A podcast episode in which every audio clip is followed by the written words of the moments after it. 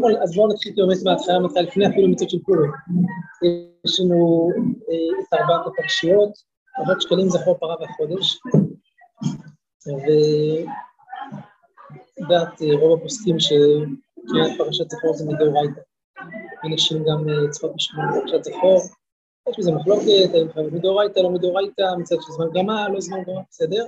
בשורה התחתונה, נשים כן באות לשמוע פרשת זכור, שזה בעצם השבת. ו... צריך לדעת בשתי מילים, כל האפשרויות טובות, זאת אומרת, אם אישה באה לבנות אשכנזי וספרדיה, ספרדי ואשכנזייה, הכל טוב, זה לא באמת משנה. ניסוחים שונים, לפעמים הטעמים שונים, לפעמים הביטויים שונים. אשכנזי ושתי זכר, זכר עמלק.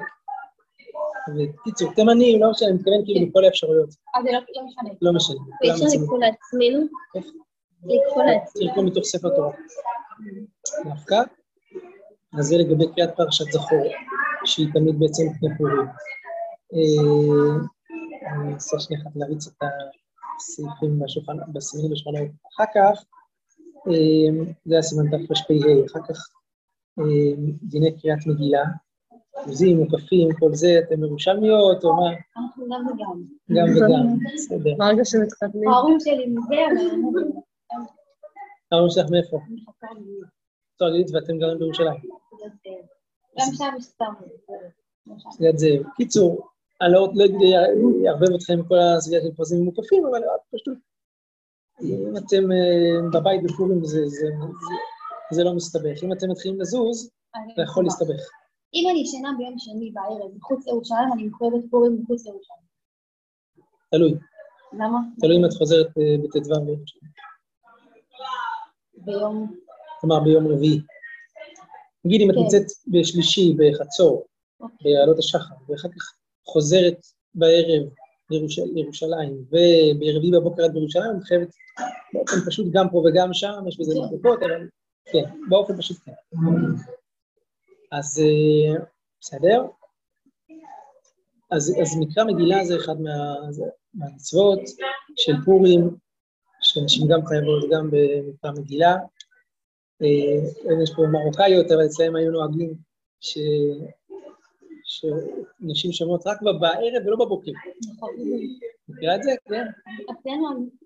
לא, לא ידעתי שזה... זה הפוך כאילו מהפשט ההלכתי, אבל ככה היה המנהג שלהם, האישה הייתה יושבת בבית, כאילו, זה לא מה עכשיו מקרא מגילה, צריכה להתארגן עם המשלוחי מנות. אז זה מה שהיה, וודאי שיש להם ממש יסמוכו בזה, כבר דנו בכל הדבר הזה, בסדר? אבל בעיקרון נשים חייבות את שתי הקריאות, גם בערב וגם בערב. חוץ מזה, יש מצווה אחת שהיא נצמדת למצוות מקרא מגילה, שזה מצוות מתנות לאביונים, שלפי עיקר הדין, מספיק לתת שתי פרוטות למתנות לאביונים, כלומר 20 אגורות. שזה שתי פרוטות, זה לפי עיקר הדין, זה ככה כתוב באחד הראשונים. בפועל נוהגים לתת מתנה חשובה, שזה, אה, יש אומרים שזה שיעור של אה, ארבע קבצים לחם, שזה גם לא כזה הרבה, חמישה שקלים, יש אומרים שצריך לתת כאילו אה, שיעור של אכילה חשובה, שכמו שאתה הולך לקנות פלאפל, לא יודע מה, מה כמה עולה פלאפל וכמה עולה שווארמה, לא יודע בדיוק כמה, בערך 25 שקל בערך כזה מה שאני אומר, וזה מתנה אחת, צריך שתי מטרות ושתי אבנים, סך הכל 50 שקל לבן אדם. אבל לפני כן... שתי מתנות ושתי אבנים. כן, זאת אומרת, מתנה אחת לכל אבן. אני יכולה לתת למישהו שהוא עושה את זה במקום מישהו יש שם, כאילו תורמת לה הרבה שם, בטח, בדרך כלל זה משהו. כן, שותים למישהו והוא מעביר. וזה כי לא כל אחד מכיר, ולא כל אחד בדק ויודע, וגם יש לו את הזמן ללכת ולהעביר. זה לגבי מתנות לאביונים.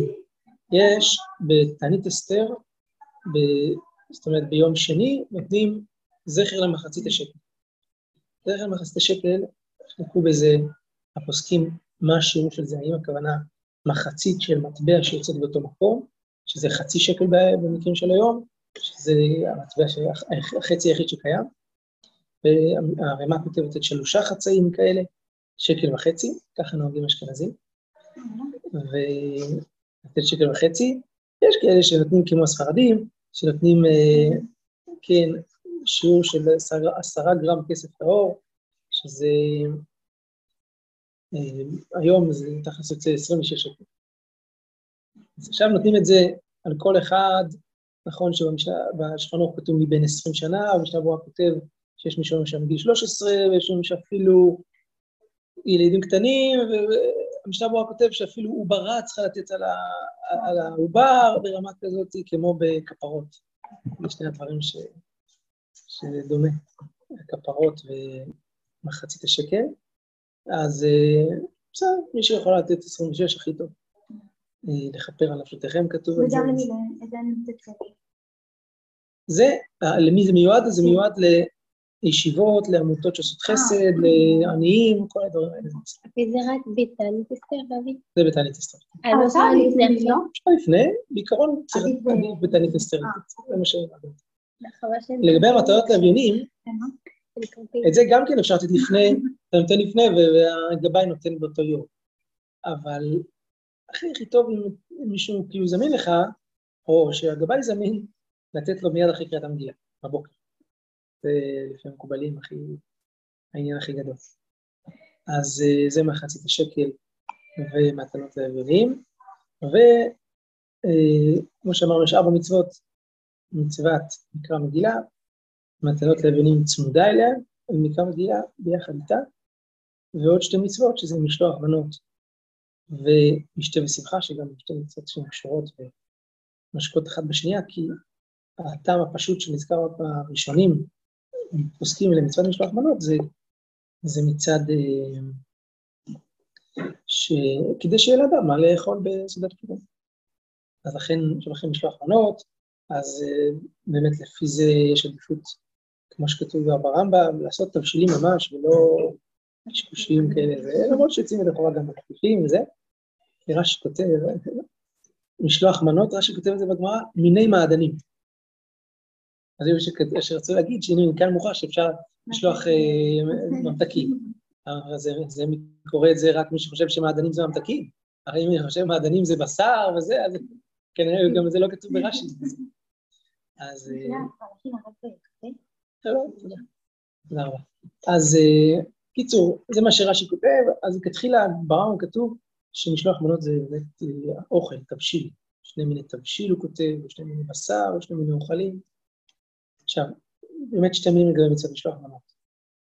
בעיקרון, לא, לא קשה לצאת לכבוד מצוות משלוח מנות. או משלוח מנות הרגיל, מה שעושים, בין אם עושים ממתקים, איזה בקבוק של שתייה, פחית, או בין אם עושים, אה, זה לא יודע מה, איזשהו תבנית של משהו, אינגליש כזה עם משהו, ועוד איזה תבנית של...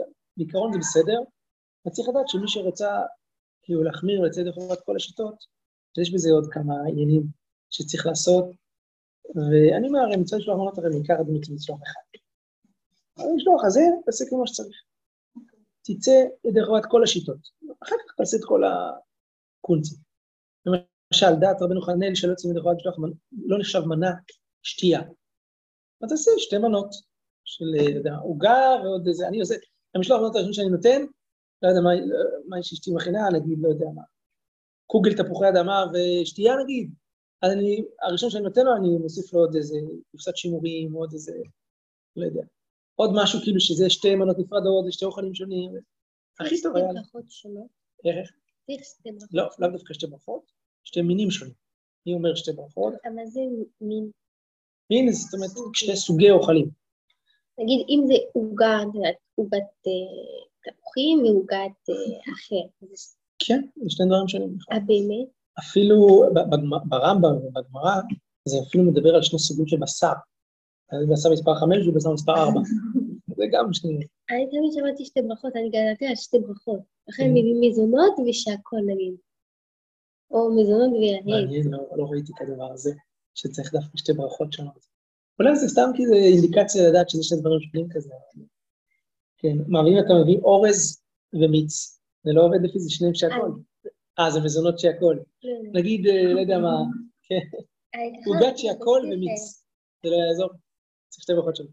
לא נראה לי שזה מעכב, זה רק אינדיקציה לדעת שזה שתי דברים שונים. אתם דברים שיהיו אכילים באותו רגע.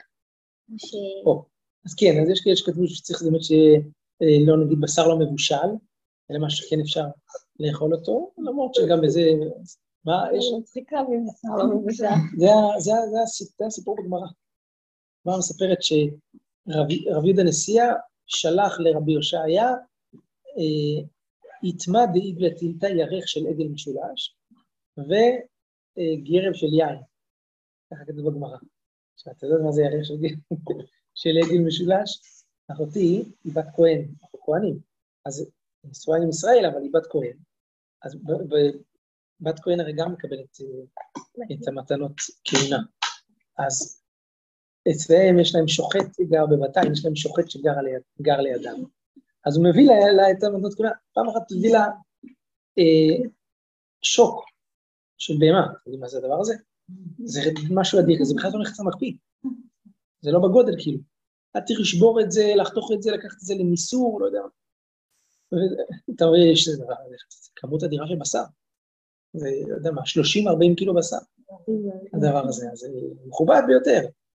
אבל אה, בעיקרון, זה מה שהוא שלח לו, ואז תלוי שם בגרסאות בגמרא, מה הוא אמר לו, את- מה אמר לפנינו כתוב, אמר לו, קיימת בנו רבנו משלוח מנות איש לרעהו ומתנות לאביונים. אבל רבנו חנן כותב, קיימת בנו רבנו ומתנות לאביונים. זה לא נקרא משלוח מנות, למה? כי מנה אחת נתת לי, היא הירך, כאילו היין לא מצטרף. היו כאלה שרצו להוכיח מרבנו חננאל הזה, הרב פרנק בספר שלו מקראי קודש, הרב פרנק הרב של ירושלים, שלא יוצאים ידי חובה בשתייה, רק צריך דווקא אוכל. שתייה לא מועיל. אז בסדר, היום כולם כאילו מוסיפים שתייה. אבל לשלוח רק שאתה יוצא ידי חובה, תשים שתי סוגים של מאכל, אחר כך תעשה את כל המשחקים ואת כל ה... ואת כל הדברים. ויין לא נחשב? לפי זה, לפי רבנו חננאל לא נחשב, להלכה כן נחשב. הפוסקים פוסקים, אה, אה, לא פוסקים ככה. אומרים שמשקה כן נחשב. אז אני אומר, ברור שמי שעושה ככה יצא ידי חובה. אבל סתם מי שיודע את ההלכה, למה שלא יחמיר ויעשה את זה? נגיד נגיד אה, לחמניה עם סלט. דבר שם. לא, לא סלט אה, חסה נגיד, אה, סלט חומוס, או דברים עם מורחים כאלה. זה גם נחשב. במאכל? כן, זה גם מאכל. חומוס גם נמכר בפני עצמו. זה גם סוג של תבשיל, אני חושב שגם הוא אה, חלק מזה. אז אה, בסדר, יש הרבה דברים, המשנה ברורה כותב שמביא תשובת בניין ציון, שאומר שהמשלוח מנות צריך להיות על ידי משלוח, לא שאתה תיתן לו. לתת למישהו שייתן לו, על ידי שליח. ככה אומר משנה ברורה, אבל הספרדים לא נהגו בזה. לא נהגו בזה, יש, האחרונים הספרדים כתבו להוכיח שהרבה מקומות כתוב בתורה משלוח, ואין הכוונה משלוח ממש, אלא רק אה, לתת לו כאילו, ולא שזה יהיה על ידי שליח, זה דבר מוזר כזה. שאתה אומר, בוא תהיה שליח שלי, ואתה עומד לידו, והוא שולח בשבילך את ה- את המשלוח מנות, אבל יש בין אשכנזים שהם מחמירים בדבר הזה, וככה עושים, סתם שתדעו, משלוח מנות זה. אה, אני יודע, לתת את שני המנות בבת אחת, ולא בשתי קערות נפרדות, כל מיני חומרות כאלה במשלוח מנות, שכדאי אה, לעשות, מי שיכול, שזה לא בטעם קודש? שזה כן יהיה בטעם נפרדת, כאילו, שלא, הכלי לא יצרף את זה למנה אחת. שוב, הכל יוצאים ידי חובה, אני סתם אומר לכם חומרות עכשיו. אבל מי שרוצה להחמיר, אז למה שלא תחמיר? אם אה, זה... אה, זהו, זה לגבי משלוח מנות. ומשתה ושמחה, שגם אני חושב שבהלכה הזאת דווקא הרבה אנשים לא, לא מקיימים אותה. זאת אומרת, כולם יכולים לשבת בפורים. אתה צריך לאכול לחם, באמת? צריך לאכול ליטול ידיים בסעודת פורים, סעודת מצווה. ו- כאילו, מקובלים, זה עניין לחצות? גדול מאוד, מה? לפני חצות? הר- ערימה, יש בזה דעות, איך עושים את הסעודה. הדרכי משה, זה ערימה, הוא כותב, הוא מביא ספר, הוא מביא מישהו תרומת הדשן, ששם כתוב, הוא תמה על המנהג, הוא אומר שהמנהג היה שמתחילים את הסעודה ממש סמוך לחשיכה, ואת רוב הסעודה בכלל עושים בליל ט"ו. הוא אומר, למה? זה, זה לא אמור להיות ככה, זה צריך להיות בי"ד, אה, למה עושים את זה בליל ט"ו? הוא מלמד שם זכות, הוא אומר, אנשים עסוקים, משלוח מנות, מתנות לאביונים, טה-טה-טה. אז הם מספיקים כאילו להגיע, והם צריכים לעשות את זה בנחת, ורוגע, וזה, עושים את זה קרוב ל- לזה, אבל הוא בעצמו אומר שהוא ורבותיו נוהגים לעשות את זה בבוקר, משתה בבוקר. לכן המקובלים גם אומרים לעשות את המשתה בבוקר. בפועל, הרמ"א כותב בתרצ"ה, שעושים אחרי, עושים את זה אחרי מנחה גדולה. הרמ"א כותב, אה, נוהגים לעשות סעודת פורים לאחר מנחה. מנחה כאילו, וערבית התפללו בלילה. מתפללים מנחה תחילה בעוד היום גדול, ורוב הסעודה צריכה להיות ביום. כך אומר הרמ"א, והוא אומר, לא כמו שנוהגים להתחיל את הסעודה סמוך לערב, עיקר הסעודה היא ט"ו. אני חושב אבל שיש לזה סיבה למה עושים ככה, אבל לא משנה, כרגע, כנראה בכוונה, אז יש עניין שהסעודה תפלוש על ט"ו. למרות שהמשנה ברורה בעצמה אומר לא, שלא לפלוש. הוא אומר, אתה מסתבך עם הלניסים וזה, לכן הוא אומר, עדיף שתסיים את הסעודה לפני הערב, תברך, ותמשיך אחר כך, כי יש מצוות אה, משתה וזבחה גם, בט"ו. אבל. כשזה בירושלים זה גם? שמה? אה, ירושלים ט"ו ט"ז, אני מתכוון. פה, לפי, תלוי קצת בטעמים של זה. לפי הטעם שלה, של, שנתן תרומת הדשא, תרומת הדשן, שאמרנו שאנשים עסוקים, אז כן, גם זה ליל י"ז. לפי, אה, לפי טעמים אחרים אולי, תלוי בטעמים, קיצור, יש אור שמח מעניין מאוד, הוא אומר, להסביר את, ה, את המנהג הזה, הוא אומר ככה, בעיקרון, התאריכים במגילה נקבעו לפי התאריכים של הגויים בהתחלה. רק אחר כך שלחו לקיים את ימי האלה בזמניהם, של היהודים. אבל בהתחלה זה נקבע לפי הימים של הגויים, לכן זה מחצות, כאילו, זה עד חצות. זה כאילו, לכן נשים איזה זכר בזה שהסעודה היא ליל ט"ו עד חצות. אז אם כן, גם זה אותו דבר ליל ט"ז עד חצות. זה ה... אבל יש עוד טעם ש... שיכול להיות שימי הפורים בעצם הם שני ימים שהם, זה נכון של... לבני, מי שלא גר בירושלים, י"ד זה היום של פורים שלו. מי שגר בירושלים, ט"ו זה היום של פורים שלו, יכול להיות שככה, אבל ברור שיש קשר בין שני הימים האלה, וגם יהודי שגר בתל אביב, אז ט"ו קשורה אליו.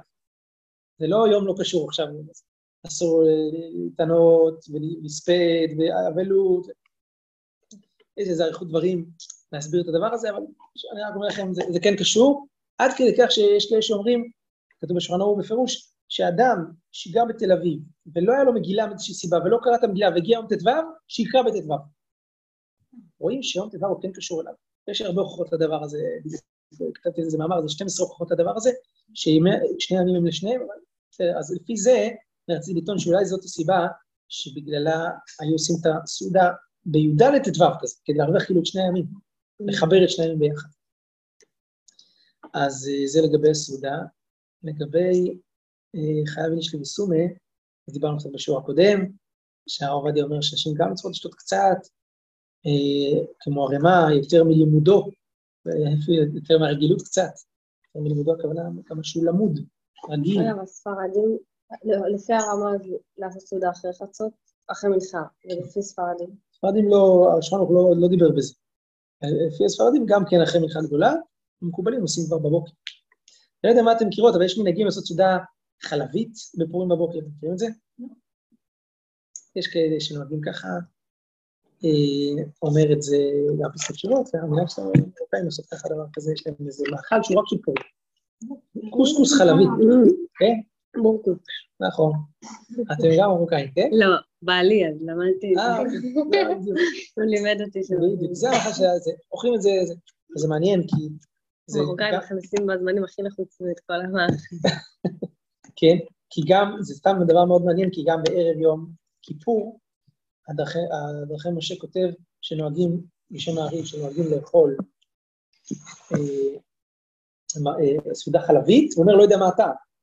אתם הרי יודעים, מתי אוכלים סעודה חלבית? שבועות. אז אם כן, שבועות, כיפור, פורים. מה הקשר בין שלושת החגים האלה?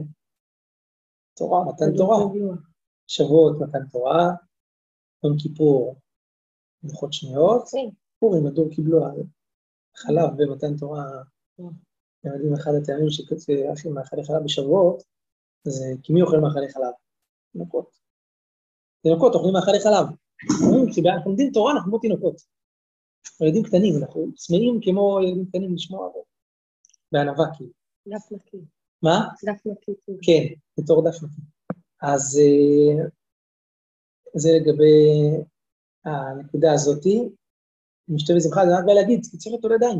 צריך לעשות את הסעודה, אה, לפעמים מרוב ארגונים ומרוב בלאגן, לא מספיקים לשבת וליטול ידיים. צריך... והרמב"ם אומר שחייב לאכול בשר בסעודה הזאת, קיצור. אז זה הלכה. ויש עניין של, אה, כמו שנגיד מספר של דברים וזה, שזה אפשר. מספר של? נגיד אז אה, כמו שיש. מניין? לא. לא, אז אין יכול שום- גם אה, מצומצם. מה שיותר נוח ויותר טוב. זהו. רק אה, נגיד עוד מילה אחת, שדעת הרמב"ם כנראה, גם ככה נשמע מדברי השולחן ערוך, הוא כותב את הלכות משלוח מנות בהלכות סעודה. גם הרמב"ם, באותה הלכה שהוא כותב את הסעודה, הוא כותב משלוח מנות. אז חשבתי להגיד משהו מעניין, שכאילו הרמב"ם בא ללמד לנו פה עיקרון חינוכי. איך יהודי אוכל? כשהוא אוכל, הוא מאכיל אנשים אחרים. אף פעם הוא לא אוכל לבד. אתה אוכל סעודה, תשלח מנות מהסעודה. כאילו משלוח מנות זה לא משהו חיצוני כזה, אלא יש לך מנות, תשלח. את מכינה סלט, תכין לשכן. עושה עטופה לחם, תני גם לשכנים. כאילו, אני לא, אף פעם לא רק עם עצמי. תמיד אני דואג גם לאחרים. זו העמדה כאילו שכתוב ברמב"ם. יש מילה כזה, אני לא יודע אם אתם מכירות את זה, שכתוב אחר כך, מצאתי אותו כתוב ברבנו יונה, שמי שהופך חלות נותנת לכהנים. לא תרומה, בעיקרון הם נותנים תרומה לכהן, אבל גם היום שכהנים זה לא כתרומה, זה- אצלנו בשכונה בנווה דקלים ככה זה, השכנות היו מכינות חלות, היו מביאות שתי חלות למשפחת כהן, ככה, היו צריכים לקנות חלות לשבת. כל שבת הם היו מכינות, שתי חלות מהשכנה הזאת, שתי חלות מהשכנה הזאת. אז רק זכר לתרומה. אז, אה, אבל אולי זה כלול, בעניין הזה גם אומר את הנקודה הזאת. אל תהיה לבד, אתה, אתה ממלא נטלה של נטילת ידיים, אתה נוטל לעצמך, תמלא אחר כך לבא בתור. כאילו אמירה, אתה כל הזמן תשפיע, תהיה משפיע חסד, זה כאילו בתוך דברי הרמב"ם היפים. הרב, שאלה, בלי קשר לכהנים כבר... אה, נכון, כהן לא צריך להקדים, כאילו, לכבד אותו ראשון? כן. אז גם אשתו צריכה לעשות את זה? כאילו, יש עניין...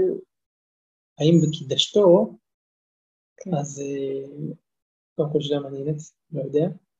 אני סתם מנסה עכשיו לחשוב, לחשוב בקול, יש דיון באחרונים האם כהן מחויב בקידשתו לכהן אחר. Mm. האם כהן מחויב לזה? כי פה היא אשת כהן. מצד אחד היא לא כהנת, מצד שני היא אשת כהן, אז כן, היא הרי אוכלת בתרומה בגללו, היא כן חלק מהחגיגה, היא לא בחוץ. אז uh, אני אומר, על הצד שהיא גם כהנת, אז באנו באמת לדיון הזה, האם כהן מחויב לכהן אחר? Uh, באופן פשוט, לא. למרות שאפשר להוכיח מכמה מקומות שכן, אבל ככה באופן פשוט, אז... Uh, אבל סתם, דין כבוד של אישה לבעלה, אבל כן, לא מדין לא, כבוד. כהונה. אבל מדין של... uh, מדין של הרמב"ם, ש... שהרמב"ם כותב שהאיש צריך לכבד את אשתו, והאישה צריכה לכבד את בעלה, הדין הזה כאילו, מדין וקידשתו. מעניין, אבל לא, לא, לא זוכר שראיתי מישהו שדן בשאלה הזאת. נגיד ישראל שהתחתן עם- בת כהן. כן. לא, היא לא כהן. לא, היא לא כהנת באמת, היא גם לא אוכלת בתרומה, אלא אם כן חוזרת לבית אביה. בעיקרון, כל הזכות היחידה שלה זה רק מתנות כהונה שאין בהן קדושה, כמו זרוע לחיים וקיבה. טוב. בסדר, עד כאן כזה בסקירה של ההלכות מלמעלה. עכשיו, אם אתם רוצות לעסוק קצת בפורים, אה, אה, מה שאתן רוצות, אם יש איזה נושא שמעניין אתכם, אני פשוט, ראשי ורובי עוסק בנושא אחד מרתק, שכנראה אני גם נכתוב אותו גם כן באיזה חוברת אולי, אה, בנושא של פורים כיום הכיפורים. מה היחס כאילו בין שני הימים האלה, ויש לזה המון המון המון מקורות, אבל ככה אנחנו, אם אתם רוצים, אני אתן לכם תקציר על זה, מה שאתם רוצות, או אתם רוצים לעשות אותי אחרת. מעניין על אסתר המלכה. איך? זה על אסתר? יאללה, אתם רוצות משהו על אסתר המלכה? אז, אני, כן, אם זה בסדר, אני מבקש ממך להביא, יש פה בכניסה ספרי מהר"ל. יודעת- יודעת איפה זה? כאילו כאן, שמאל שמאל כזה. ספר שנקרא אור חדש. יש שם על אסתר המלכה, אה, דברים מופלאים, רק קצת כאילו על המדרגה של אסתר. אה, באמת, זה נמצא, אני לא זוכר, כאן, כאן כזה. בסדר, אני נמצא בטח. עם סוכר בלי. אחד אחד. אז בואו רק. נתחיל כזה בגדול על אסתר המלכה, זו דמות אה, נפלאה, מרתקת. אה, כדי כך שהיא רמוזה בתורה מצד אחד, מצד שני, היא רמוזה במקום שהוא, שהוא מקום כאילו לא כזה סימפטי. אנוכי אסתר אסתיר, אסתר מן התורה מנין. ו- היא רמוזה? מה? ואנוכי אסתר אסתיר פניי ביום ההוא. אסתר מן התורה מנין, הגמרא אומרת, אנוכי אסתר אסתיר, הסתרה. אז אה, שם היא רמוזה, בעצם בא לרמוז על המצב של עם ישראל, שבו עם ישראל נמצא באותה תקופה. מצב של הסתרה גדולה, שבו יש שתי הסתרות, הסתרים. הסתר אחד בגלות, והסתר שני תחת יד המן. בעצם זה שהעם ישראל נמצא בגלות זה כבר הסתרת פנים מאוד מאוד גדולה. בתוך הגלות, שאנחנו מסורים בידי מישהו שהוא לא מלך בכלל, והוא עושה כתוב בעיניו, זה אסתר בתוך אסתר. אסתר אסתר. אז זה רק מראה לנו את, ה, כאילו, את המרחק הגדול שעם ישראל היה באותה תקופה. ודווקא בנקודה הזאתי, שאתה נמצא, איך אומרים, ואפילו בהסתרה שבתוך ההסתרה, בוודאי גם שם, בוודאי משמע, אנחנו לא רואים, אבל אנחנו יודעים שזה גם שם, דווקא שם צריך מישהו מאוד מאוד עליון, שיצליח להושיע את עם ישראל ממקום שהוא כל כך רחוק, וכל כך אה, נפילה כל כך גדולה. אז אה, נתאר קודם כל את, ה, את המצב של הנפילה של עם ישראל באותה תקופה, ואחר כך נתאר את ה, למה דווקא הדמות של אסתר, מה יש בדמות שלה, שדווקא היא זו שיכלה להעיף את, אה, את עם ישראל למעלה, לרומם אותו, להעלות אותו למקום ש... שהם מסתבכים, אני אחפש, אני אעצור שנייה, אני אצא.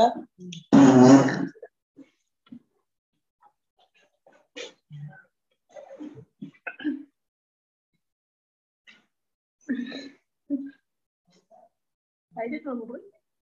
כן. השארת אותי לבד. את לא אוהבת פדיחות. כן. איך קוראים לו? בניה מרדכי. אני ידעתי שיקראו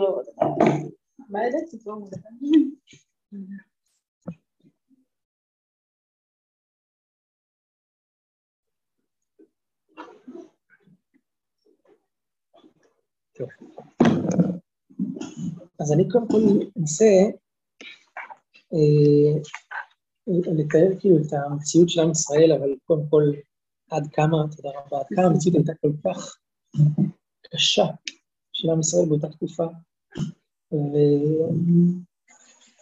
וכמו שפתחנו ואמרנו, זה מרחק כל כך גדול, שנאמר עליו, אנוכי אסתר אסתיר, שפניי ביום ההוא, כי פניי אלוהים אחרים. תראו, המציאות של עם ישראל באותה תקופה, כתוב בגמרא במסכת מגילה, מפני מה אמר רבי שמעון בר יוחאי. אמרו תלמידיו של רבי שמעון בר יוחאי, רבי שמעון בר יוחאי, מפני מה נתחייבו שונאיהם של ישראל שבאותו הדור כליה? אמר, לה, אמר להם, אמרו אתם. אמרו לו, מפני שנהנו מסעודתו של אותו רשע. אז uh, ככה הם אמרו. אמר להם רבי שמעון בר יוחאי, אז אם כן שבאותו הדור uh, ינשו ושאחרים לא ינשו. שבשושן ינשו, שלא היו בסעודה לא ינשו. אז אמרו לו, הם מורתה, אז הוא אמר להם, מפני שהשתחוו לצלם בימי נבוכדנצר. אני רוצה קודם כל לעסוק בחלק הראשון, שכנראה גם רבי שמעון בר יוחאי מסכים אליו, רק מחפש שורש יותר עמוק. אתם מבינים מה המשמעות של עם ישראל נהנה מסעודתו של אותו רשע? הרי מה הייתה הסעודה הזאת? הסעודה הזאת, הגמרא אומרת, שזו סעודה שבה הוצאו כלי המקדש, והשקות בכלי זהב וכלים מכלים שונים, שהכלים של בית המקדש איתם השתמשו בסעודה. כי הגמרא אומרת במסכת מגילה, שאחשוורוש אמר, המלכים שלפניי מנו, כי הם ידעו שגלות בבל תהיה 70 שנה, ואת ההוא אני אמנה ולא אטה. הוא עשה את המניין את הספירה, וכתוצאה מהספירה שלו הוא אמר, הנה עבר 70 שנה, ועם ישראל לא נגאל. זה מה שהוא אמר. ועל זה הוא עושה סעודה 80 ומעט יום. עכשיו, אומר הרד"ל, רבי דוד לוריה, שמן הסתם הסעודה התחילה באזור זמן שאפשר לשבת בו, תחילת האביב. עושה את החשבון, זה מתחיל כאילו בניסן, עושה 80 ומעט יום, זה, ובתום הימים האלה, עשה לכל העם הנמצאים בשושן הבירה משתה שבעת ימים. הוא עושה את החשבון, יוצא שהשבעה ימים מסתיימים ביום השביעי כטוב לב המלך ביין, ושם יושבים עם ישראל בכיפור. ככה הוא עושה חשבון. ביום כיפור. אתם יודעים מה כתוב פה? עם ישראל יושב ביום כיפור, בסעודה שכל עניינה לרקוד על הדם של עם ישראל. כאילו, לא, לא ניגלתם, תשכחו מבית המקדש שהיה לכם, תזכרו אותו, היה. הם ידעו שזה הסיבה לחגיגה? בטח. כתוב בגמרא שאחשוורוש לבש בגדי כהן גדול. כלים, תחשבו, קונצים כלים של בית המקדש שם. איזה שפלות, איזה... אי אפשר לדמיין שפלות יותר גדולה. ביום כיפור יושבים... בס- איזה שפלות נוראית שנמצאים ונהנים מסעודה. זה הרי, מה, בסדר, נהנו מסעודה של אותו רשע, מה כבר קרה? אתה שואל עצמך, אכלו קצת.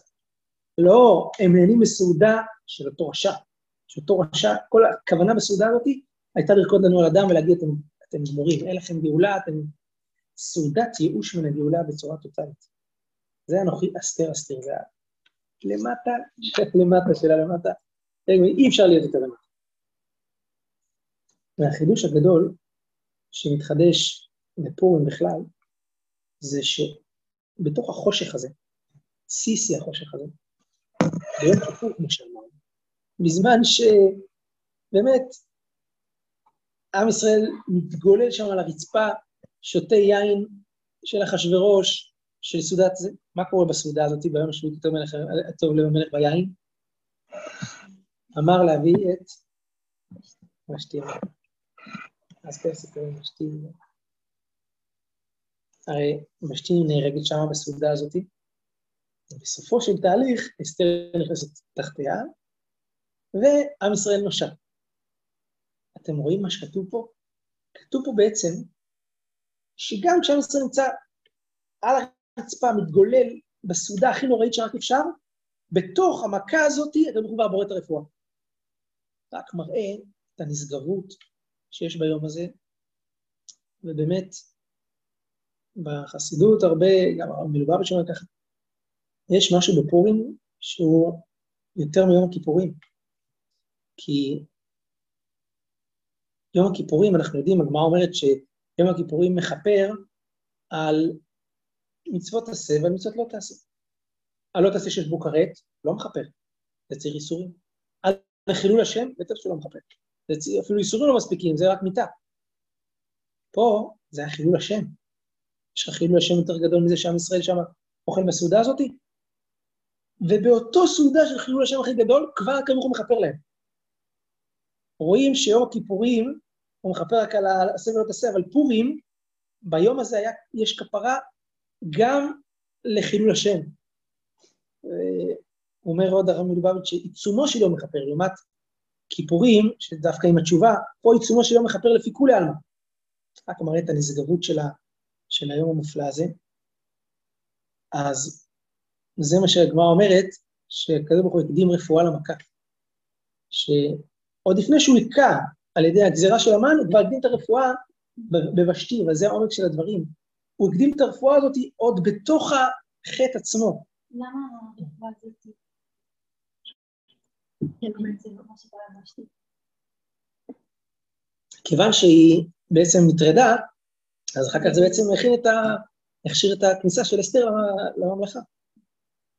יש לי לשאול שאלה רעיונית, האם כאילו יכול להיות, לא גם יכול להיות, האם קרה שאנחנו זוכים לגאולה לא מתוך המקום הכי נמוך?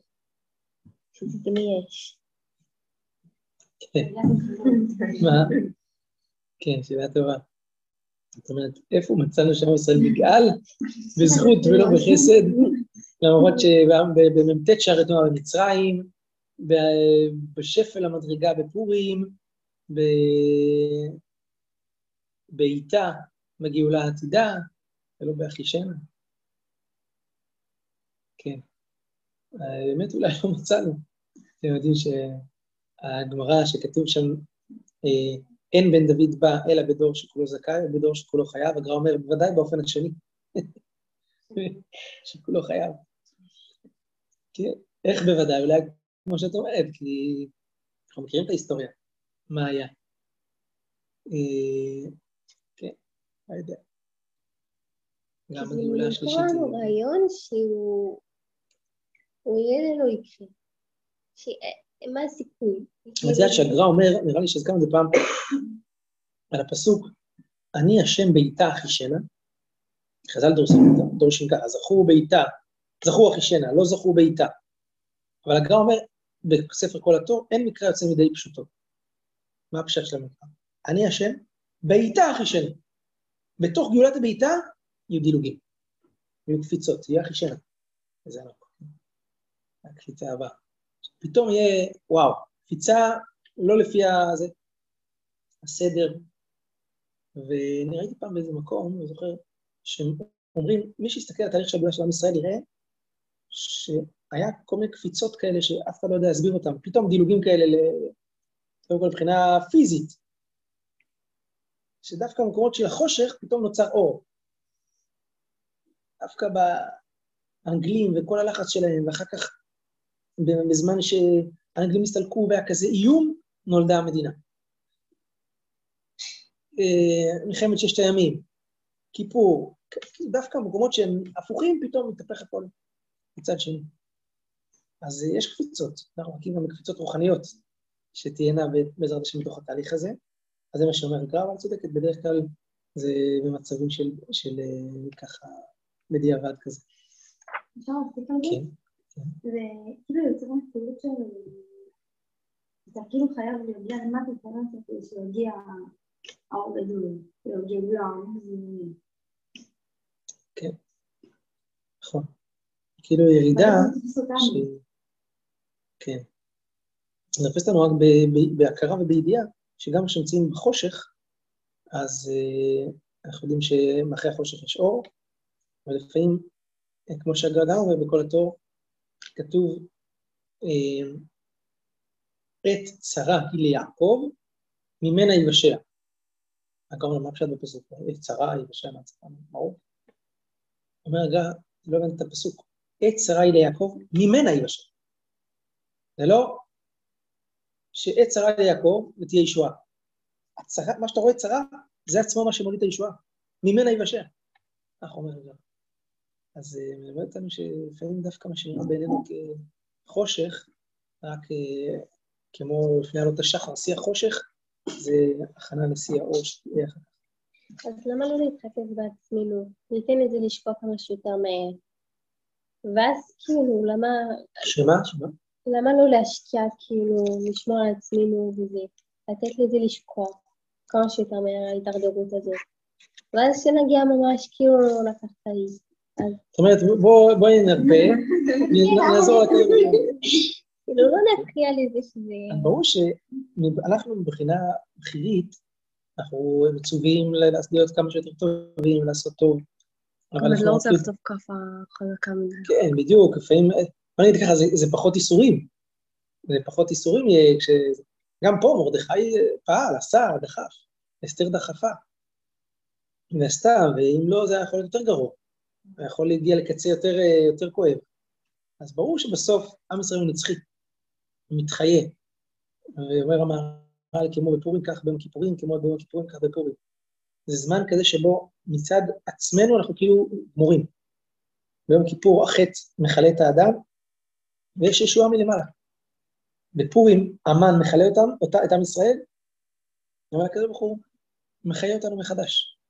ולכן המהר"ל אומר, כתוב במדרש, כל המועדים עתידים להיות בטלים, פורים ויום הכיפורים לא יהיו בטלים. בנקודה הזאתי, בפורים, אנחנו, ביום כיפור אנחנו מגיעים למקום שאנחנו לא מתחיים מצד עצמנו, אלא מאיזו ישועה מלמעלה עליונה. אז זה הקשר בין, בין שני החגים האלה שלא יהיו בטלים מצד העתיד לבוא. אבל דווקא בגלל החושך הגדול הזה, זה דווקא מלמד אותנו את הדמות של אסתר המלכה. כמו שאמרתי מקודם, אסתר, פה היא רמוזה.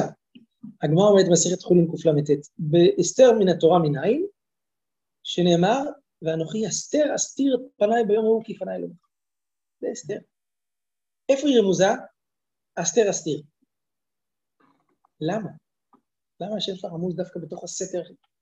המהר"ל אומר בהקדמה לאור חדש, שדווקא אסתר היא, ומרדכי, דווקא הם היו הגואלים הכי גדולים, הכוח הכי עליון, כי במקומות של הסתרה כזאת גדולה, אתה לא, אתה צריך לא ישועה רגילה, צריך דווקא ישועה ממקום הכי הכי פנימי והכי עמוק. והמקום הזה זה אסתר. כי, אני אקרא לכם את הביטויים שלו פה. אומר, אנוכי אסתר אסתיר, זה, מורה זה על אסתר פנים. דבר זה עצמו מורה, כי הגואל מן סתירת פנים, הוא אדם שהוא מאוד מאוד מאוד מאוד פנימי, הכי פנימי שאפשר, אסתר. וזהו כי כאשר היו ישראל בהסתרות פנים, ראוי שיהיה הגואל אותה מן הסתרת פנים, מי שיש לו המידה הראויה לזה. והוא, מה המידה הראויה לגאולה מהסתרות פנים? הצניעות והסתר. כמו שהיה לאסתר הצניעות. אומר גם אצל מרדכי, מרדכי רמוז בקטורת, קטורת זה דבר שבחשאי, עושים אותה בקודש הקודשים בפנים, אף אחד לא רואה. אסתר היא נסתרת, היא כל הזמן, היא דמות מאוד מאוד נסתרת, אין לה אב ואם, אין לה, כאילו, אין לה משפחה. מי היא? לקחה ללבט, מאיפה היא, מה היא? היא מסתירה את, אין נסתר מגלת את המוות מולדתה. כל הזמן, הכל בסתר אצלה. והדמות שלה היא דמות מאוד מאוד מסתירה את הפנימיות שלה, את המדרגה הגבוהה שהייתה, שהייתה נמצאת בתוכה, כי כמו שחז"ל אומרים, היא הייתה מדרגת רוח הקודש, וכשהגיעה לבית הצלמים של אחשוורוש, הסתכלה ברוח הקודש, ואז היא אומרת ש... את המזמור שאנחנו אומרים בפורים, אלי אלי למה עזבתני, חזר רוח הקודש אליה. אז אה, דווקא נמצאת במקום הזה, ואני רוצה אולי לגוע, לקחת את זה קצת באמת לעולם שלנו, לגוע כאן בנקודה שהיא שייכת לעולם הצניעות. צניעות זה לא לבוש רק, זה מתבטא בלבוש. זה רק מתבטא שם. צניעות זה מידה. מידה בנפש האדם. חז"ל אומרים, בא זדון, בפסוק בספר משלי, ויבוא קלון, ואת צנועים חוכמה. צניעות זה מידה ששייכת אל החוכמה. זה מידה, זה לא התנהגות. אנחנו ישר מפרשנים לעצמנו כל הזמן את המידות באופן, בפן המעשי שלהם, באיך אנחנו מתנהגים על פיהם. זה נכון, זה נוגע גם בזה, אבל זה לא בהכרח אומר את זה. יש אדם שהוא לבוש בצורה מאוד מאוד צנועה מצד אחד, מצד שני הוא לא אדם צנוע. אדם צנוע זה אדם ששייך לעולם הפנימי. זה אדם צנוע, יש לו סתר. יש לו עולם שהוא נסתר, הוא מתחולל בתוכו דברים שאף אחד לא יודע מה שמתחולל. הוא לא כל דבר. אבל זה כן מתבטא בהתנהגות. אנחנו רואים את זה אנשים ברור. וזה לגמרי מתבטא בהתנהגות, אבל זה מתבטא שם. זה לא מתחיל שם, זה נגמר שם. היום אני רק אוסיף משפט לדבר הזה. אנחנו חיים בעולם מאוד מאוד מוחצן. כל דבר אדם יש שצריך לפרסם סטטוס וזה, ובפייסבוק, לא יודע מה, ישר כאילו לפרסם מה עשיתי, איפה הייתי, מה אכלתי, מה לא אכלתי. נורא. פשוט נורא הדבר הזה בעיניי, כאילו. אדם הלך לאכול ארוחת ערב, מצלם את הארוחת ערב, כל העולם יראו מה הוא אכל. מה התינוקיות הזאת? לא, לא מבין את זה, כאילו, למה? למה זה כזה צריך, למה אתה חושב שזה כזה מעניין? כל העולם מה אכלת בארוחת ערב. זה עד רמה כזאתי. כל דבר לחשוף כל דבר, לפרסם כל דבר. האדם צריך להיות לעולם פנימי. אומר, לא יודע, אני אומר את זה אולי ספר חרדים, אחד מהאחרונים אומר את הדבר הזה, אומר, אדם צריך להיות לו סוד. סוד שהוא לא גילה אותו לאף אחד, זה בסדר גמור. היום אם, אם לא גילית את הסוד אותך, אתה, אתה, משהו לא בסדר איתך. סוד שיש איזה מעשה טוב, איזה מצווה שאף אחד לא יודע שהוא עשה. אף אחד בעולם. מה יש? רק הקדוש הוא יודע. כי אם יש לך דבר כזה, אחד אפילו. זה אומר שאתה שייך לעולם פנימי. לעולם של סתר, לעולם של נסתר, לא לעולם של החצנה. בואו תראו, אני עשיתי, ותשמעו מה, מה עשיתי. יש לך עולם שהוא עומד בפני עצמו, הוא לא עולם רק מגיב לסביבה כל הזמן. כי זה בעצם המידה הזאת של, ה, של הצניעות. מידת הצניעות אומרת שיש לאדם עולם פנימי, שחי בתוכו, שמתחולל בתוכו, הרבה מאוד דברים קורים בתוכו, הרגשות. באמת, בצד האמת, כשאתם תסתכלו פנימה לתוך הלב שלכם, הרי בכנות, אנחנו כל הזמן מנסים להחצין, אבל אי אפשר להחצין. אי אפשר. הרי אף אחד לא יכול לדעת מה שקורה בתוכך. אף אחד לא יודע את הרגשות שלך, את התשוקות שלך, את הרצונות שלך, את המחשבות שלך. אתה יכול לגלות קצת. את המחשבות, את הרצונות, את התשוקות. אתה, אתה, אתה לא יכול לחשוף את זה באמת. אבל אנחנו כל הזמן עוסקים בחשיפה. ואז אדם נמצא בעולם של תסכול, הוא מנסה לחשוף, הוא לא מצליח. כי בכנות, אני לא יודע, יותר טוב ממני בטח. כשעבר לכם איזשהו מאורע, אתם מנסות לספר אותו, אתן מצליחות או לא מצליחות? אי אפשר. כן, ברור שנצליח גם לשתף, אבל באמת אי אפשר. אני לא יכול למסור את כל מה שעברת. כל מה שאדם, היה לו איזה קבלת שבת מרוממת, הוא יכול למסור את זה למישהו? כן, הוא יבוא ויגיד, וואו, איזה קבלת שבת, ומנסה. בפועל הוא לא ממש הצליח, כי אי אפשר להעביר את זה. אלא מאי, אדם צריך להתרגל לזה, שהקדוש ברוך הוא ברא אותנו ככה, פשוט זאת המציאות שלנו. פשוט צריך להכיר אותה. אנחנו אנשים פנימיים, זאת המציאות שלנו. יש בתוכנו סתר. אנחנו, מלא, אנחנו מלאים סתרים. והסתר שלנו גלוי רק בפני מישהו אחד. איך אנחנו אומרים בימי שני וחמישי? אתה יודע זה עולם. ותעלומות סתרי כל חי. אתה חופש כל אחד רבתם. רואה כליות ולב. אין דבר נעלם ממך, ואין נסתר מנגד עיניך. תשתף רק אותו. וזה המשפט, אני אקח את המשפט הזה, שכאילו, משפט זה בא להגיד כאילו, כשאתה אומר אותו לפני כדור, אתה אומר, אני לא צריך לשתף אותך בכלום, אתה יודע את הכל, נכון? בסדר. אמרתי לך הכל כבר. זה, זה כאילו, אם יש משפט שכאילו הוא, הוא השיתוף הכי גדול בעולם, זה המשפט הזה. כשאתה אומר לקדוש ברוך הוא, אתה יודע הכל. הכל זה לא רק מה שעשיתי בהקשרים הרעים, גם מה שעשיתי בהקשרים הטובים, גם למה עשיתי, גם מאיזה מקום עשיתי, גם מה מצב רוח שלי ומצב נפש שלי, ואתה יודע אותי, עד הסוף. זהו. כשאתה עומד לפני הקבר ואומר לו את זה, אז אתה, אתה נכנס לתוך עולם הצניעות, לתוך העולם שבו אתה והוא, זהו, זה העולם שלך.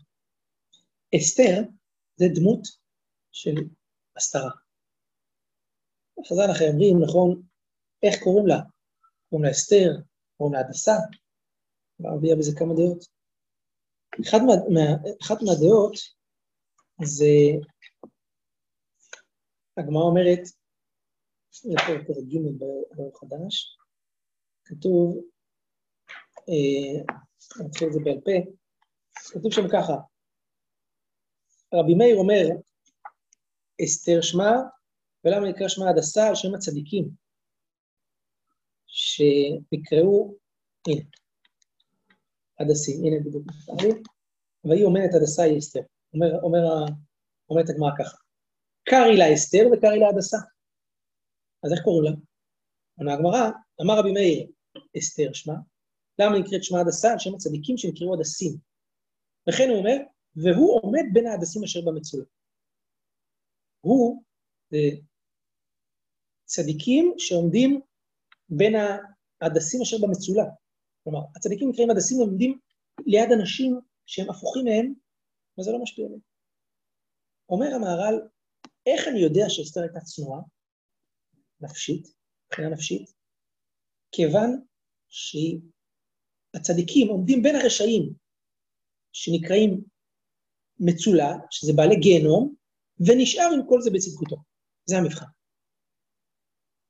הרי בעולם, בעולם הגלוי שלנו אנחנו כל הזמן מנסים להתמשק עם אחרים, ולהראות, להחצין ולהיות כמו.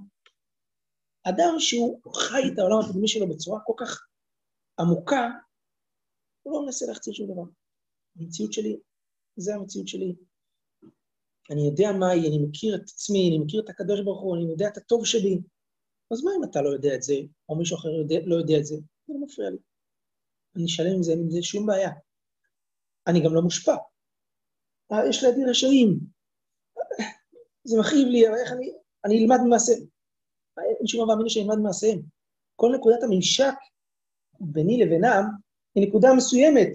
ברור שאני לא מתקרב אל הפנימיות שלהם, כי יש לי את העולם שלי, יש את העולם הפנימי שלי. זה מבחן גדול כמו שהמהר"ל כותב כאן, של אדם שהוא צנוע. אדם צנוע זה אדם שהוא לא מושפע, יש לו את העולם שלו. הוא אדם צדיק, מלא בקדושה, בטהרה, נו, אז מה יש אנשים שהם לא כאלה? נו, אז מה, אתה לא כזה, נו, אז מה? אדם שהוא לא נמצא בתוך העולם הפנימי הזה, הוא כל הזמן אוהד מבפנים. מה הם יגידו עליי? מה הם יחשבו עליי? הם יחשבו שאני בסדר, הם לא יחשבו שאני בסדר, אני צריך למצוא חן בעיניהם. אדם שחי את העולם הפנימי שלו, הוא לא מנסה למצוא חן. הוא חי בתוכו. זה, הוא חי את הטוב, הוא דבק בו, הוא אוהב אותו, הוא שייך אליו.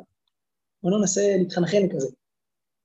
מה שהמהר"ל מלמד, מלמד אותנו פה על המדרגה של אסתר, צדיקים עומדים בין הרשעים, ואסתר עומד בבית הרשע, ואם זה הייתה עומדת בצדקות שלמה. איך לא תחשבו? עכשיו תחשבו את הסיטואציה. להיות מלכה זה הרבה שואו, נכון? הרבה רעש מסביב, הרבה... אסתר נכנסת לבית המלוכה, אף אחד לא מזיז אותה. לא, הלחצים, אין אסתר מגדת, עד כדי כך אחשוורוש עושה אסיפה מחדש של כל הנשים כדי לאיים עליה שהוא יחפש מלכה אחרת. לא מזיז לה, היא לא מגלה. היא עומדת ונשארת במדרגה של רוח הקודש, של נבואה. הרי חז"ל אומרים, 48 נביאים ושבע נביאות עמדו להם לישראל, אחת מהנביאות אסתר. אסתר היא נביאה, היא עומדת בבית אחשוורוש, והיא לא יורדת מילימטר אחד. מה זה אומר? שהיא במדרגה רוחנית מאוד מאוד פנימית, מאוד עמוקה, שאין לה שום יכולת לפגוע במקום הזה. ולכן היא קט אסתר. והסתרה, איזה, אותו דבר, הדס. למה, למה הצדיקים נקראים הדסים? הדס, מה מייחד את, ה, את הצמח הזה? שהעלים חופים את העץ. נכון? סוגרים, כאילו מסתירים את העץ. זה מה שאומר כאן המהר"ל. אסתר צנועה הייתה כמו שהתבהר, וההדס אשר עליו העלים שלו חופים את עצו, וזהו צנוע. לקח השם הראוי להדסה. וזה פירוש אסתר, כלומר שיש לה מדרגה פנימית נסתרת בשביל הצניעות שבה. לכן היא זכתה לגאול את עם ישראל. דווקא אדם שנמצא במקומות, בעומק העומקים האלה, דווקא הוא מסוגל להגיע אל המקום של הסתר הכי גדול. אתם יודעות למה? כי, ואנוכי אסתר, אסתיר, שתי הסתרות, שהקדוש ברוך הוא מסתיר את הפנים, המציאות הפנימית היא כל כך נסתרת, אבל מי חודר עד לשם? עד לפנימיות שהיא הכי הכי עמוקה, רק מישהו חי את העולם הזה, שהפנימיות בצורה הכי שלמה, אסתר. זאת הסיבה שהמהר"ל אומר כאן, שכתוב בחז"ל, שדווקא אין עמלק נמסר אלא בידי בניה של רחל. ומי זה בניה של רחל? הקטן של בין הבנים, בנימין. בנימין הוא הכי צנוע, הוא התגלה אחרון, נכון? לא רק שהוא התגלה אחרון, עשיו לא ראה אותו בכלל, הוא היה בבטן, נכון? יוסף הסתיר את רחל, הוא לא, הוא לא רע, יוסף הוא מסתיר. רחל נסתרת ובנימין נסתר, ואתה רואה? אז בנימין הוא הדמות של הצניעות הכי צנוע מכל השבטים, והוא זה שמנצח את המן. מרדכי בן יאיר בן שם איש, ימין מבנימין. אסתר בת דודו מבנימין. דווקא הם שייכים. אז אם כן, אני אומר, קודם כל בצורה הזאתי, של זה, אחר הגמרא אומרת עוד דעות על אסתר, גם מבחינה פיזית הגמרא אומרת שהיא הייתה נסתרת, כי כתוב בגמרא, הייתה בינונית, לא ארוכה ולא קצרה, אלא בינונית כהדס. גם, מי שארוכה זה בולט, קצרה בולט, בינונית, בלוע, לא רואים. וכן, אותו דבר מה שבאמת ירקרוקת הייתה. ירקרוקת, חושבים שזה הכוונה אה, דשא. אבל כנראה הכוונה לא שחור ולא לבן, אלא באמצע. כאילו, ואז זה הכוונה ירקרוקת, היא לא, לא קצה, היא נסתרת. כי הקצוות הם מאוד בולטים. מה שבפנים הוא תמיד נסתר.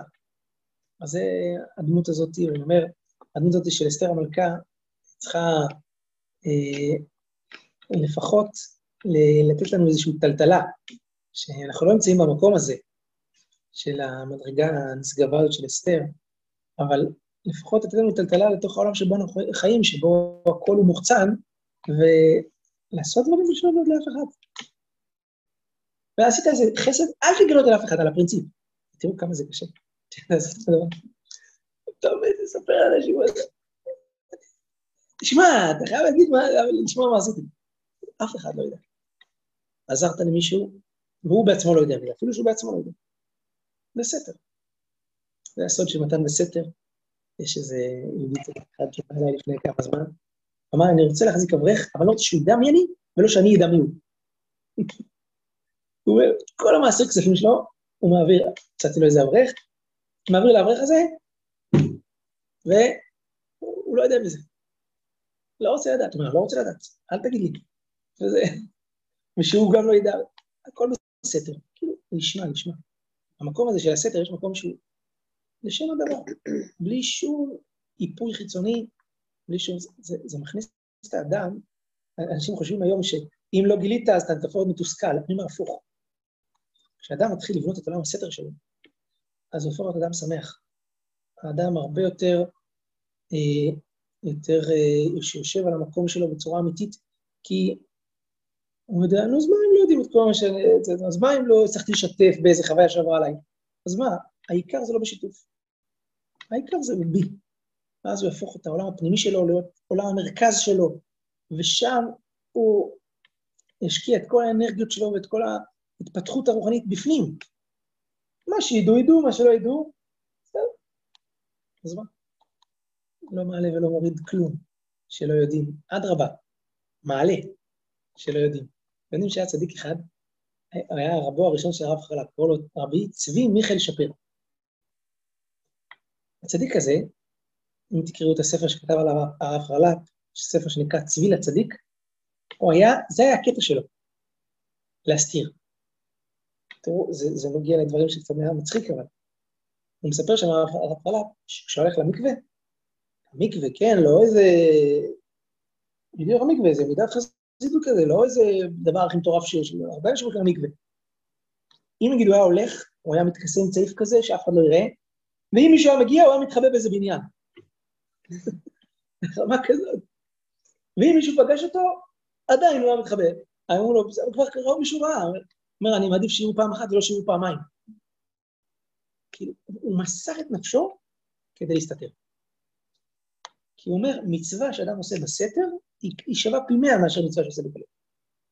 כי זו מצווה שיוצרת לו את הפנימיות, את העולם הפנימי, את הקשר ברוך הוא בצורה אותנטית. אבל זה לפעמים מרגיש כאילו קצת אה, גורם לחיות חיים פרטיים. כשאתה בתוך כלל, אתה רוצה גם, לא יודעת, להשפיע על איזה, אז לפעמים אתה תדבר על החיים שלך. לא? אם אדם עושה את זה כדי להשפיע, כדי שאנשים ילמדו בסדר. לא, ברור שאנחנו לא שם, אבל כאילו אומרת, גם לפעמים, לא יודעת, אה, כששומעים רבנים שמספרים על כל הפועל, הפעולות שהם עושים, זה גם נותן השראה, אבל ברור שזה יכול גם להוריד קצת. יש פה כאילו עלייה וקוץ כזה, מצד אחד זה השראה וזה כל דברים, מצד שני, זה, זה קצת מחספס את זה. זה עושה את זה טיפה פחות טהור, כאילו, כי מראש הוא יודע שזה מספר. למה מרדכי בעצם אמר לאסתר לא לספר? אה, שתראו את המגילה עכשיו, תשימו לב, שמרדכי ואסתר בנקודה הזאת, הם קצת נחלקו. כתוב שמרדכי לובש שק ויפה, והוא צועק צעקה גדולה, ועושה רעש וצלצולים.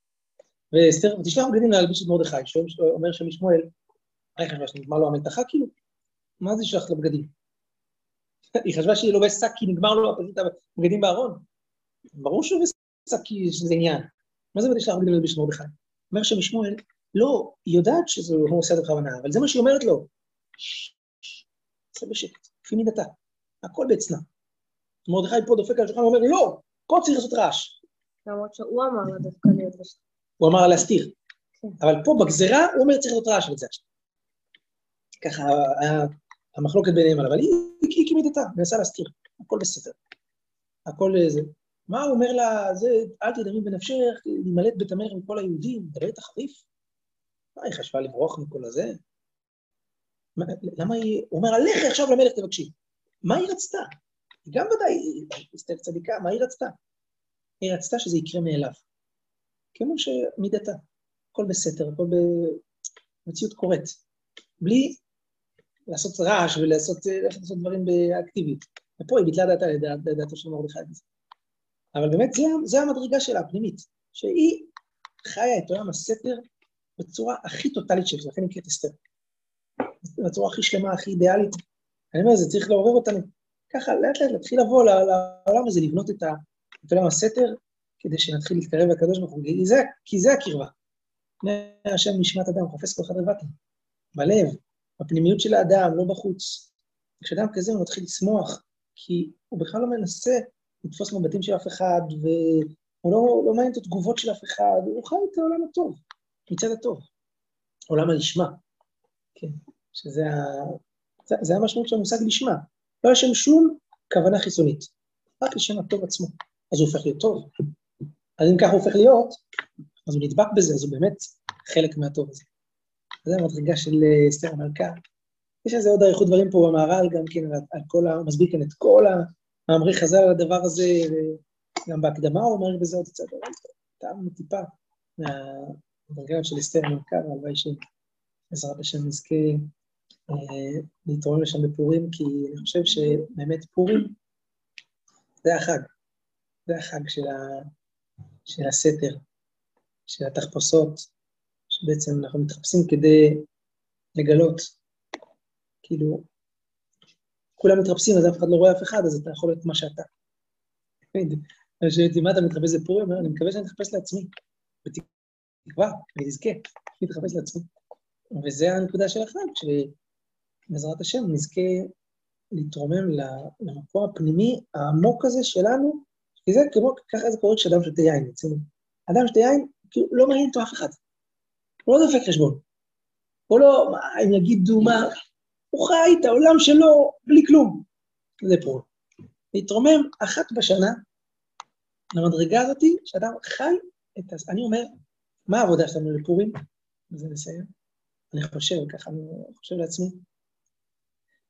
אם אנחנו לא מצליחים לחיות כמו שאנחנו רוצים לחיות, 364 ימים בשנה, 363, חוץ מכיפור, לפחות ביום אחד חוץ מכיפור, אנחנו צריכים לחיות כמו, ש... כמו שאנחנו רוצים, בפורים. לחיות, לנסות שהיום הזה יהיה יום שהפנים והחוץ לא יהיו שום, שום סתירה ביניהם. לחיות אותו שיא העוצמה, ואתה רוצה להתפלל שלוש שעות עכשיו? תתפלל שלוש שעות. אם זה מה שאתה רוצה, זה מה שתעשה, אל... עזוב חשבונות. כי זה, זה המצב של האדם בעיקרון מאוד גדול. אם שתה כוס יין, אין לו חשבונות. לא חשבון, חשבון לאף אחד, מעכשיו הוא רק... לכן התפילות דווקא בפורים הכי גבוהות, והכי נשגבות, והכי עמוקות, הכי עוצמתיות, כי אתה נמצא במקום כזה, ואדם מתפלל תפילת 18 יום, מתבייש, הוא אומר לו, זה דמעה, הוא מתבייש, הוא מוצא את זה. למה הוא מתבייש? ככה צריך להתפלל 18. כמו שאדם מתפלל בפורים 18, זה שיא השיאים של כל התפילות. זה 18 של פורים. צריך להיות. כמה דמעות שהוא רוצה שיוריד, כי הרי שיכור, אין לו, אין לו... אדם רגיל מתבייש לבכות. כן, אני מדבר בעיקר גברים. בפורים אף אחד לא מתבייש, למה? כי יש איכות עם מסך כזה. אז אדם צריך להיות בצורה אותנטית בפורים. ואז אם הוא מצליח לעשות את זה, אז היום הזה הופך להיות לו השראה לכל השנה כולה, שזה יהיה המדרגה שלו לשאוב מהפנימיות הזאת, לחיות לפי זה. הלוואי שנזכה.